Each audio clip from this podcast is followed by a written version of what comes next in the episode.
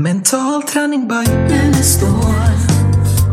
Mental träning by Unestål. Hej och välkomna till podden Mental träning by Unestål. Söndag, nytt avsnitt. Och Malin och Lars-Erik är med i vanlig ordning. Jajamän. Yes. Förra veckan så pratade vi ju om hypnos. Och vi är väl inne på att vi ska fortsätta lite grann med det. Ja, det kan vi hålla på med resten av året egentligen. Ja, det är så kul så det tycker jag också. Det är- kändes ju så. Ja. Ja, Vad fortsätter vi? eh, ja. En sak som hände alldeles nyss eh, som har med det vi pratade om förra gången att göra, det här med hypnos och smärta. Det är ju vad som hände Frida Karlsson nu på, på i skidloppet. Där hon eh, ju ramlade och eh, eh, fick någonting i armen. Och så när hon kom i mål då så började hon gråta och sen fick hon skjutsas med ambulansen till sjukhuset. Och då kan man fråga sig hur kunde hon fortsätta loppet och ändå ta en bronsmedalj? Och var nära ett silver också. Hur är det möjligt? Jo, det är möjligt när man har flyt, för då då kopplar man ifrån sådana saker som smärta, precis som vi talade om förra gången, att eh, man kan avskärma sig från det. Så det finns många berättelser i, i, i idrottshistorien om att man kan råkat ut för en, en skada som har varit eh, väldigt allvarlig. Men när man har flyt så har man kunnat, inte kunnat koppla bort alla biverkningar till dess att man har gått i mål. Precis som hände med, med Frida. Så det var ett bra tecken på att hon eh, hade flyt. Och hon har ju tränats eh, mentalt av Stig Wiklund. Och eh, han har säkert lärt henne hur hon kan både gå in i flytet och behålla det på det sättet. Så att eh, hon är ett bra exempel på det tycker jag. Men visst kan det vara också... Jag kom att tänka på en sak som hände mig för många herrans år sedan. När, när eh, jag, skulle, eller jag skulle egentligen inte springa vedervågslopp, utan helt plötsligt skulle jag följa med min dåvarande sambo. Han skulle springa och så sa han, ska du inte hänga på eller något sånt? Och då, ja men, det är, ja, men okej, det gör jag väl. Och jag hade ju inte förberett mig eller mentalt överhuvudtaget. Så att eh, jag sprang bara för att det var kul. Och jag var inte trött och det bara var sådär vansinnigt härligt. Sen står några släktingar efter, efter eh, banan och börjar skrika som tusan. Liksom. Ah, du ligger jättebra till och du har skitbra tid och du, det är ju otroligt. Liksom. Och då började jag tänka och, blev, och kände den här pressen på mig att nu är jag ju liksom... Och då började jag bli vansinnigt trött och jag kände mig stressad och kände att jag var tvungen att, att, att prestera. Och då började alla springa, springa ifrån mig. Så att jag presterade så mycket sämre när jag fick liksom reda på att det gick bra för mig. Ja, inte bara det, utan att du börjar tänka Ja. genom att eh, de stod och skrek. Och det, det- har vi ju predikat länge, eh, trots men inte fått något gehör för att det är inte bra att stå längs skidspåret eller skridskospåret och skrika ut tider och så. För det får, det får ofta eh, eh, idrottarna börja tänka. Eller när tränarna i fotboll står och skriker vid sidan av planen, Ja. ut på planen. Eh, om spelarna hör det, vilket de ofta inte hör, men om de hör det så kan det orsaka att man börjar tänka och eh, prestationen går ner. Så det kan ha en rakt motsatt effekt mot det man eh, Ja. strävar efter. Ja, och de som oftast hör det är ju de som redan har tappat flowet och liksom, de är ju inte närvarande i spelet utan de tar ju in allting annat. Ja. Nilsson eh, Pohl som gjorde den fantastiska loppen i skridskor. Och, eh, med två VM. Han, eh, eh, när han intervjuades då av vår gamle världsmästare eh, så sa han att det, det, det, det som var centrum i hans åkning och som var så betydelsefullt, det var harmonin. Att ha en harmoni hela tiden. Och jag tror att eh, det flytet då som, som kopplat till harmonin, det innebär att han eh, inte tänker på de här eh, skriken varje varv då, var man ligger, hur man ligger till och om man ska öka eller minska beroende på vad det man gjort upp. Utan det innebär att han, han har ju programmerat in den tid han ska ha och eh, de varvtider han ska ha. Och då behöver man inte tänka på det, utan då gör kroppen det. Om man kan behålla det här flytet och harmonin, då kommer kroppen att hålla sig till det som är inprogrammerat. Och där skulle då en, en vetskap eller ett en meddelande ha, göra precis det som du berättade Lena, att det stör prestationen då. Och eh, det stör flytet för att i samband med att eh, eh, jag tror att jag berättat tidigare om att när jag träffade landslagen på 70-talet så frågade jag, en av de första frågorna var hur ofta har ni flyt? Och eh, svaret var ju inte tillräckligt ofta. Jag vill att det ska komma varje gång men tyvärr kommer det ganska sällan och jag vet inte om när det kommer. Och när det kommer så kan det försvinna lika fort. Eh, och ett, när jag har det så är jag inte medveten om att jag har flyt förrän efteråt. Och blir jag medveten om det, då försvinner det. Och det är ju det vi pratar om nu, att eh, får man de här rapporterna och så, då stör det, då blir man medveten om det, det man gör. Och automatiken försvinner och det som är inprogrammerat försvinner bort.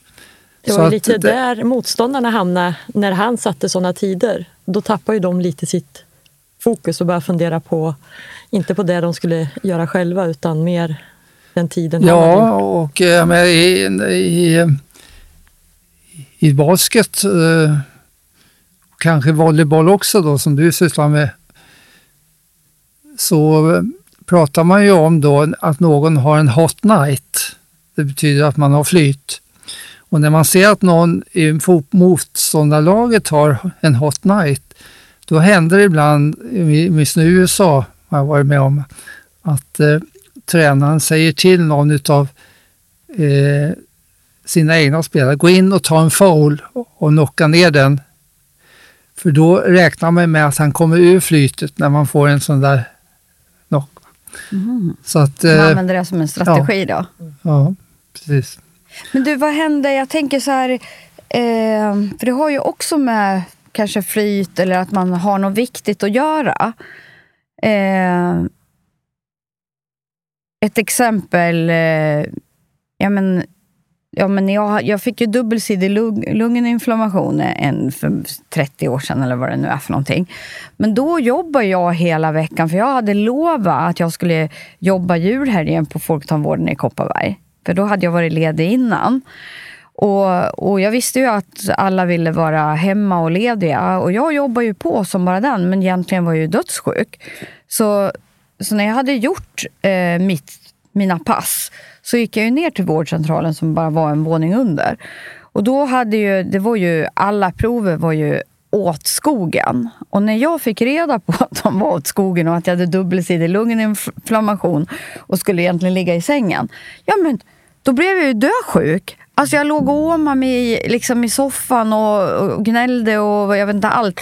Det var precis som att det var som att trycka på en knapp. Att från att vara frisk och jobba till att bli sjuk. Mm. Jo, men du vet ju i samband med eh, stress som återkommer under en längre tid, att man kan klara det på ett bra sätt genom att kroppen bygger upp ett försvar mot stressen. Eh, men sen kommer det en, en tidpunkt när det inte går längre, man klappar ihop. Och det här ser man ju ibland då att eh, vi talar om fredagshuvudvärk. Ja, När väl fredagen har kommit, eh, om man inte har det här engagemanget i det man gör, så att man håller det borta, då, då bryter det ut. Så att det kan vara någonting åt det hållet, att så länge du... Mm. Det är något viktigt man gör. Ja, men Ja. Så var det ju med min huvudvärk också. Jag fick ju oftast på fredagar låg jag ju med migrän. Liksom. Man Mm. hade slutat på helgen alltså. Ja. Eller just när man slappnar av på något vis. Eller? Mm. Ja, det här med, med flyt är intressant. Då, som ett, eh, och många har inte vetat att fly, när man har flyt så är det ett hypnotiskt tillstånd. Och eh, eh, det är viktigt att påpeka för att eh, då kan man använda sig på ett helt annat sätt av det som har med hypnos att göra i idrotten, när man vet att de här två sakerna hör ihop. Dels har vi det här med då att man håller eh, smärtan borta. Som sån. En annan sak är ju att eh, i hypnos så förändras ju tidsupplevelsen. Vi pratade om det förra gången att tiden försvinner. Rum och tid som är de två dimensioner som vår hjärna har eh, i den verklighet vi lever här på jorden. Det är underbart att hamna i den långsamma tiden när alla rör sig långsamt, som en i bollidrott. Man tycker alla Ja. står still. Och då, eh, i och med att eh, tiden förändras i hypnos, så att tidsupplevelsen förändras, så kommer det att innebära då i flytet att eh, i till exempel, som säger, i olika sporter, särskilt i snabba sporter då, så kommer ju den att upplevas på ett annat sätt i, i samband med eh, ja, eh, slow motion upplevelsen. Och eh, när, när vi jobbar med snabba sporter, och det är framförallt Jan Alriksson som vi intervjuade för några veckor sedan, som har jobbat med Marcus till exempel i Formel 1 och i många andra Eh, motorsporter då, så är det en viktig sätt eh, för, för att lära ut då det här hypnotiska tillståndet, flöjt, där tiden minskar ner så att man upplever det i slow motion. När man har då eh, en bil bara någon meter ifrån i 300 kilometer, då, ja, då, då, är, då kan ju den minsta felreaktion göra att, att, att det går snett. Men genom att man får slow motion så får man mycket mer tid över till att hinna med och göra det som eh, man ska göra. Kenny Bräck som eh, jag jobbade med då för många år sedan, han, eh, han använde ju det här och eh, eh, han ringde för en vecka sedan och sa att jag har en ny adept nu eh, som heter Linus Lindqvist som, som är väldigt lovande. Han har vunnit Formel 3 och han, nu ska han åka över till USA och starta på, på Light Indy, Indy Light. Eh, och han skulle behöva mental träning så han var här för ett par dagar sedan. Och vi, eh, han fick med sig träningsprogrammen då till USA nu och ska sätta igång. Och då tog jag upp det här hur viktigt det är, är för honom att lära sig eh, Eh, mental träning för att inte minst få det här flytet då eh, eh, som innebär slow motion då, upplevelsen. Dessutom så sa jag till honom att eh, eh, du vet ju att Kenny Bräck, han vann ju Indycar, det största loppet i världen, första gången han försökte och som första rookie och som första utlänning. Och eh, då, säger, då sa folk till Kenny, hur kan du vinna Indycar första gången du försöker? Och då sa ju Kenny, jag har kört det här loppet hundratals gånger, alltså i huvudet. Och det är ju en av fördelarna också med mental träning, att man kan, för, man kan programmera in någonting och det är en viktig del för att få flytet sen. Kroppen vet vad den ska göra och då behöver man inte tänka. Man kan följa det som är inprogrammerat. En Så- fråga där till er två med angående Kenny Bräck. Han råkade ut för den här väldigt svåra olyckan. För där kan man ju också imponeras av lite det vi varit inne på med smärta och rädslor och att, att han tog sig tillbaks och sen valde att sluta Mm. Ja. senare ändå. För den, den är ju helt Ja, otrolig. många var ju förvånad över hur snabbt han kunde komma tillbaka och till och med börja köra igen efter den här väldigt svåra olyckan. Och, eh, Jobbar mycket mentalt där? Eh, det innebär ju också mental träning att, att eh, det är ungefär som jag nämnde Thomas Gustafsson förut, vår gamla skridskostjärna, som brukar säga att jag hade stora, jag hade, eller mental träning betyder väldigt mycket för mig för att kunna ta tre guld och ett silver i OS. Men det viktigaste med mental träning det är egentligen att jag kan fortsätta med det livet igenom, även när jag slutar med idrotten. Och det kan man se då hos Kenny att det var inte bara det här användningen då i idrotten utan han kunde använda också när han till exempel fick den här svåra olyckan och i, i andra omständigheter i livet. Så, så, det är ju en stor fördel. Men det här likheten då mellan flyt och hypnos, den innefattar ju en rad olika områden. Eh, perceptionen förändras så att eh, man upplever saker på ett sätt som gör att det blir lättare att lyckas. Till exempel golfhålet blir mycket större. Eh, det är mycket lättare att få i bollen i, i det här stora spannet som ligger där istället för det lilla golfhålet. Eller, när man skjuter eh, skit eller trapp så är duvorna, de går inte bara långsamma utan de är också större. Så att allting förändras i perceptionen som gör att det blir lättare att nå resultaten. Och det händer då när man har flyt eller när man är i, i hypnos. En fråga till dig Lena, jag funderar på med det här med hypnos. När du, folk hör av sig till dig och vill få hjälp med att hypnotisera, så, vad, vad, vad, vad, vad händer? Vad är liksom... Nej, men ja, alltså ofta, det vanligaste är ju också att eh, de flesta har symptom som egentligen inte har med saken att göra. Alltså, det, är inte, det är inte symptomen som vi behandlar i, i hypnosen, utan vi tar reda på vad är själva orsaken. Det, det är ju viktigt, kan jag tycka. Istället för att man håller på med symptomen som egentligen, och det finns någonting mycket viktigare att jobba med? En, en viktig sak eh, som har med, med flytet att göra och hypnos, det är ju den här alternativa kontrollsystemet. Då. Att man känner mm. att det liksom går av sig självt. Mm. Och där det här vanliga kontrollsystemet med ansträngning inte behöver komma till eftersom ansträngning ofta, eh, ofta eh, Eh, Eh, kan man säga, som stimulerar de antagonistiska musklerna, vilket gör att man både bromsar och gasar. Men genom att man känner att allting läggs till rätta, allting liksom går av sig självt. Det är kroppen som man kan lämna över till och som sköter det hela. Då får man en annan form av kontroll som är så viktig. Känna att kontrollen sköt, det sköter sig nästan själv med kontrollen utifrån de mål man har. Och det är ju en underbar känsla man har. Man tar egentligen bort det som hindrar dem från att vara i det tillståndet. Men du, ja. jag, jag, tänkte på det här med barn. Många anser att barn är i ett alternativt medvetande, i ett hypnotiskt tillstånd, tills de typ börjar skolan. Vad säger mm. du om det? Ja. Eh, när, eh, när jag började med hypnosen så eh, var det ju ny i Sverige och sen så eh,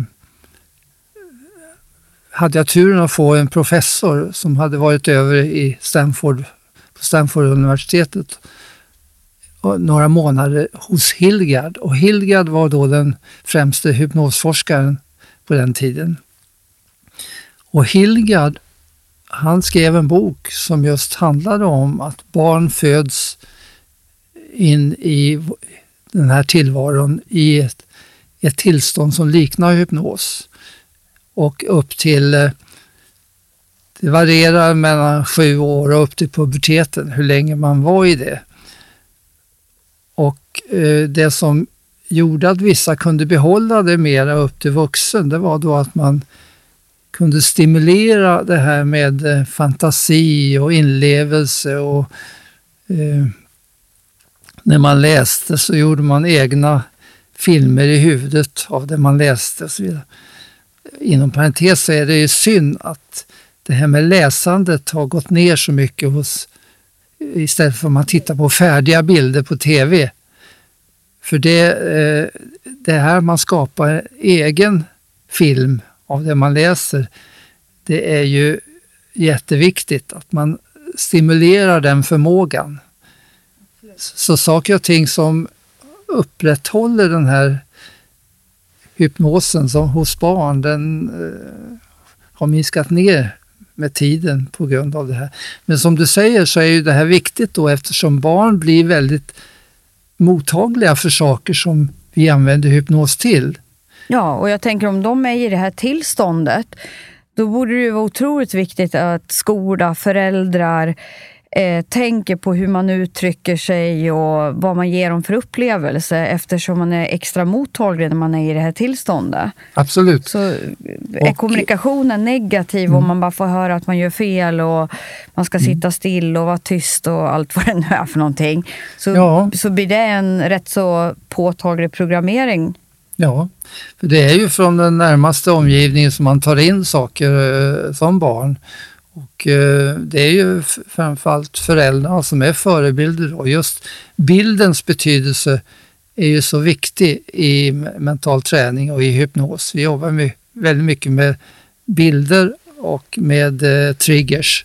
Det är de två sakerna som är de två eh, viktigaste kontrollsystemen i, i hypnos. Och det betyder ju då att eh, eh dels om man tar triggers så om barn om man som barn får, får ett meddelande från någon man tror på, förälder eller en läkare, som är negativt, så kan det sitta med hela livet. Eller om man får reda på av eh, någon att ja, men, du, kom, du, du kommer aldrig lyckas i matte. Nej, det Eller, har jag ju hört. det har du erfarenhet av? Ja, ja precis. Lika, Eller var det engelska? En, en, engelska var det Engelska var det. Det var en lärare ja. som sa till mig, du kommer, du kommer aldrig att lära dig engelska. Det satt ju i ända till jag började med mental träning. Jag var ju liksom 30 år. Ja. Och ändå hade jag liksom bott i USA ett år. Och, och, och jag, jag liksom, hjärnan visste ju att jag kunde prata engelska, men inte mitt, mitt, mitt inre. Nej. Så känslan fanns inte där att jag kunde. Därför att du har fått ett sånt ja. meddelande. Ja. Eh, och, och, det ser man ofta att det, det här blir ett trigger som kan sitta kvar hela livet. Det andra är ju då att eh, barn har en fantastisk möjlighet att lära sig genom eh, spegelneuronerna eller mm. som det verkar speciellt verksamma hos barn. Så att barn lär sig väldigt ofta genom att titta på andra. Det gäller att titta på de som eh, gör rätt saker då. Ja. ja Inom idrotten så... Ja, mina bröder var ju 8-10 år, år äldre än mig. Och jag satt ju alltid och tittade på dem och sen liksom jobbade jag och så gick jag hem och så skulle jag prova. Alltså det betyder ju oerhört mycket det här att se och så gå hem och så testa själv och utföra. Och det var ju mm. bara bilder egentligen och känsla. Och... Mm. Ja, precis. Det är, uh, det är ju rätt så intressant om man tänker på inlärningstrappan. Mm. För där där är det ju liksom vissa steg man går igenom. Men det som du har lärt mig, Lars-Erik, är ju liksom att man kan hoppa över vissa steg genom att faktiskt modellera. För vissa mm. saker kan man ju inte ens beskriva hur man ska göra. Nej. Man kan gå direkt på omedveten, ja, omedveten kompetens, kompetens ja. utan att vara och det ser man ju också på när det gäller de som är socialt kompetenta. De vet ofta inte om hur de gör och har inte gått en kurs i det ändå har de tillägnat sig den, den kompetensen. Och, och, barn har en väldigt stor förmåga där och eh, jag eh, hade för ett och ett halvt år sedan e-, ett seminarium för fotbollsförbundet där vi kom in på det här och där en av tränarna sa att i vintras så skulle jag lära mitt barn att åka skridskor. Och jag vet ju allt hur man åker skridskor så jag gav min fyraårige son en ordentlig lektion. Vilket slutade med att han blev apatisk och la sig ner på, på isen och vägrade att röra på sig.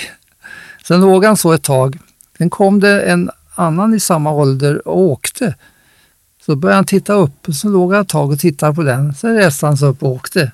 Mm. Och just det här exemplet är så eh, talande för att eh, barn har en fantastisk förmåga att ta över eh, genom förebilder på det sättet. Och både positiva och negativa saker förstås. Så det, Ja, därför är det så Eh, viktigt Precis. att man har bra förebilder som barn. Ja, men det var ju samma min, min son Micke. Han ville ju åka snowboard.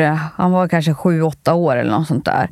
Och jag var ju så här, ja men det är rätt så svårt och vi får nog ta en privatlektion. Och, så jag hade ju hyrt, någon, någon, hyrt in en timme så han skulle lära sig det. Och sen hyrde, hyrde vi en bräda då i klacken.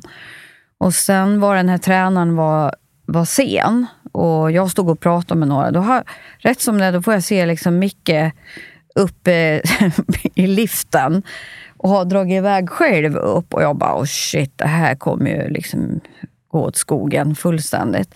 Men han, bara, han åker, klarar av att åka liften hela vägen upp, fast det var ju barnbacken, men i alla fall. Och sen åker han han kan alltså åka direkt.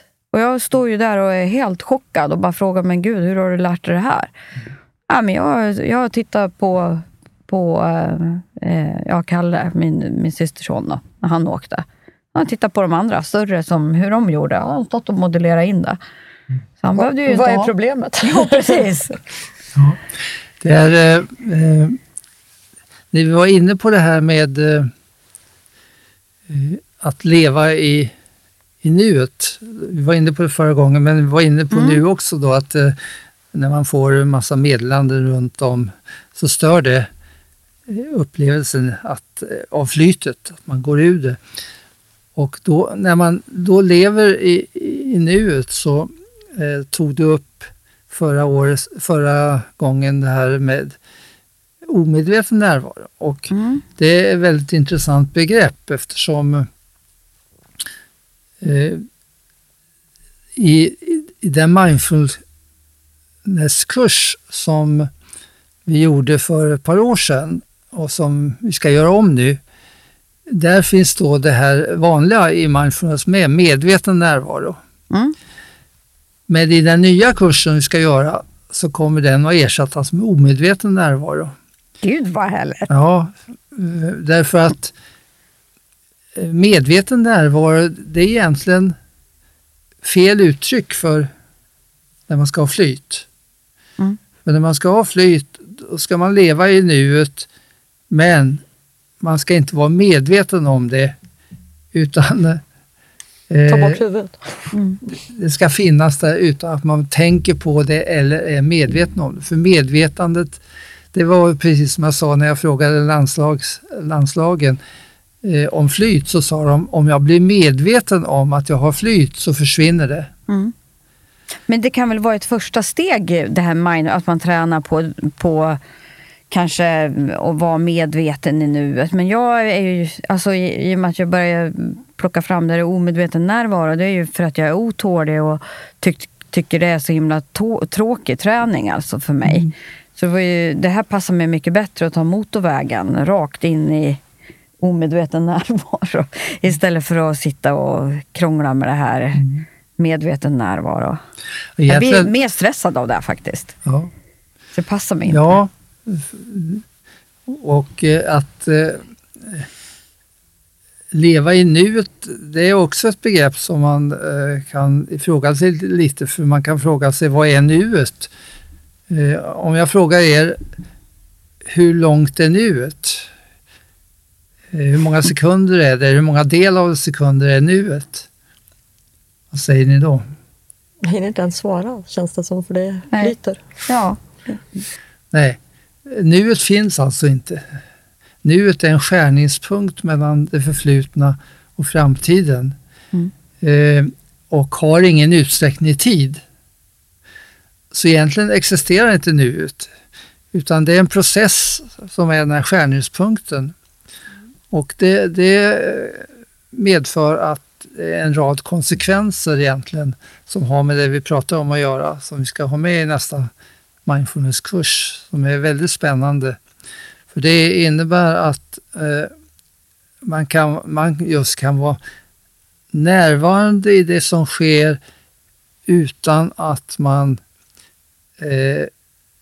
är medveten om att man är närvarande. så att säga.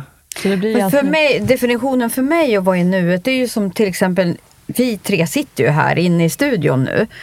Och, om, och då är, är det för mig att vara närvarande i nuet, det är att vi är i nuet som förflyttar sig hela tiden utan att tänka på någonting annat. Jag tänker inte på vad jag ska säga, jag tänker inte på vad som sker utanför eller vad som komma skall. Utan eh, vi liksom go with the flow Och här. utåtsinnena med. Vi är ju... Ja.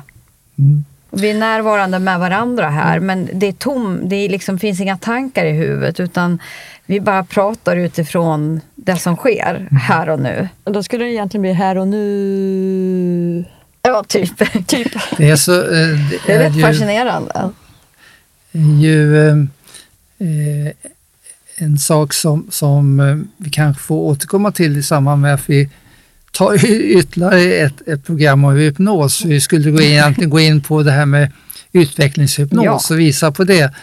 Eh, Och det är så stort område så det kanske vi får ta nästa gång. Men i samband med det kan man säga att då blir det viktigt att titta på eh, hur man kan kombinera att vara på, eh, vara på väg mot någonting utan att man är medveten om vägen, utan att man så att säga, lever i, i vägen, i processen mot målet. Och, Blir det en form av flow i utvecklingshypnosen då? Eller? ja, Ja, det kan man säga. Ja. Och, Du vet vad slutresultatet är och sen låter du liksom vägen eh, visa sig. Och där kan man också, det får vi komma, typ. komma in på då, att då kan man också njuta av, väg, njuta av vägen till målet eh, utan att njut, njuta eller eh, att vara nöjd, att det blir slutmål. För många upplever ju det här att vara nöjd, det innebär att stopp, då gör jag ingenting mera. Medan vi eh, i utvecklingsmodellen jobbar ju med att hela tiden en ständig utveckling samtidigt som man är, är nöjd hela tiden på vägen. Varje steg. Det bygger alltså inte på missnöje som den vanliga modellen i samhället bygger på. Förändringar bygger på missnöje, utan det bygger på att veta vart man ska, men på vägen dit ska man vara nöjd hela tiden och acceptera nuet. Acceptera det som är nu utan att man är missnöjd med det. För det kan man ju uppleva många gånger efter. Man ser tillbaks när man har uppnått ett mål så är det oftast resan dit som har varit det. Man kommer ihåg och den här känslan och, Ja. och alltihop. Mm. Så Precis, för det, det, det vill komma ifrån att det blir ofta, när man har sådana här delmål i livet, så blir det ofta eh, tomt. Tomt. Man har nått delmålen, Mm, det här som vi kallar bröllopsdepressionseffekten. Då. Eh, och att då kunna, att då kunna ha det, eh, undvika den tomhet som blir efter man har nått ett mål, som man kan göra på det här sättet som vi kommer att prata om då. För mig, eh, jag vill bara säga det här, för att eh, när jag började läsa PUMT, personlig utveckling genom mental träning, då jobbar man ju konkret specifikt, man sätter upp mål och du gör liksom grejer för att nå det, både interna och externa mål. Och för mig var det otroligt, otroligt viktigt att lära mig den strukturen. För det som hände när jag nådde mål efter mål efter mål, det var att kroppen började förstå att här, den här strategin, den här mentala träningen fungerar verkligen. Och ju fler mål jag nådde, desto mer kunde jag börja lita på processen och lita på mig själv. Och ju, ju längre jag jobbar med min personliga utveckling, desto mer kom jag till det vi har pratat om nu. Det här att, att liksom vägen är viktig och liksom hur man tar sig dit är mindre viktigt. Och jag behöver inte sitta och tänka och, och hålla på och krångla lite med det. stolt över sig själv men när man klarar det här som man har satt upp. Ja, och då, och då blir det... Så för mig var det viktigt med, den, med de här tydliga målen och action som vi gjorde, både i, eller som man gör i coaching och mental träning. Men nu ser ju den processen annorlunda ut, så det tror jag är liksom en slags utveckling som, som kommer med hand. Men det är jätteviktigt att du säger för att eh, eh, eh, det är ju viktigt att man, man hur märker man att mental träning fungerar? Jo, genom att man når de Mm. mål man sätter upp. Ja. Det är ju ett viktigt steg då att märka att man når det och då är det väldigt bra med den här babystegmetoden där man har Mm. näraliggande mål först. Fyra som alltid Lars-Erik säger. Ja, fyra lär vara med också. Fluff. Ja, eh, för att då får man förtroende också för mer långsiktiga mål som ligger långt framåt. Och därför är det så viktigt att man börjar med idiomotoriken som vi har pratat om där man ser direkt effekt på hur tankar och bilder påverkar muskulaturen. Mm. Det ser man på en gång. Och då börjar man få förtroende för att målbilder då fungerar. Jag tror att det gör att det blir lättare att komma in i flow.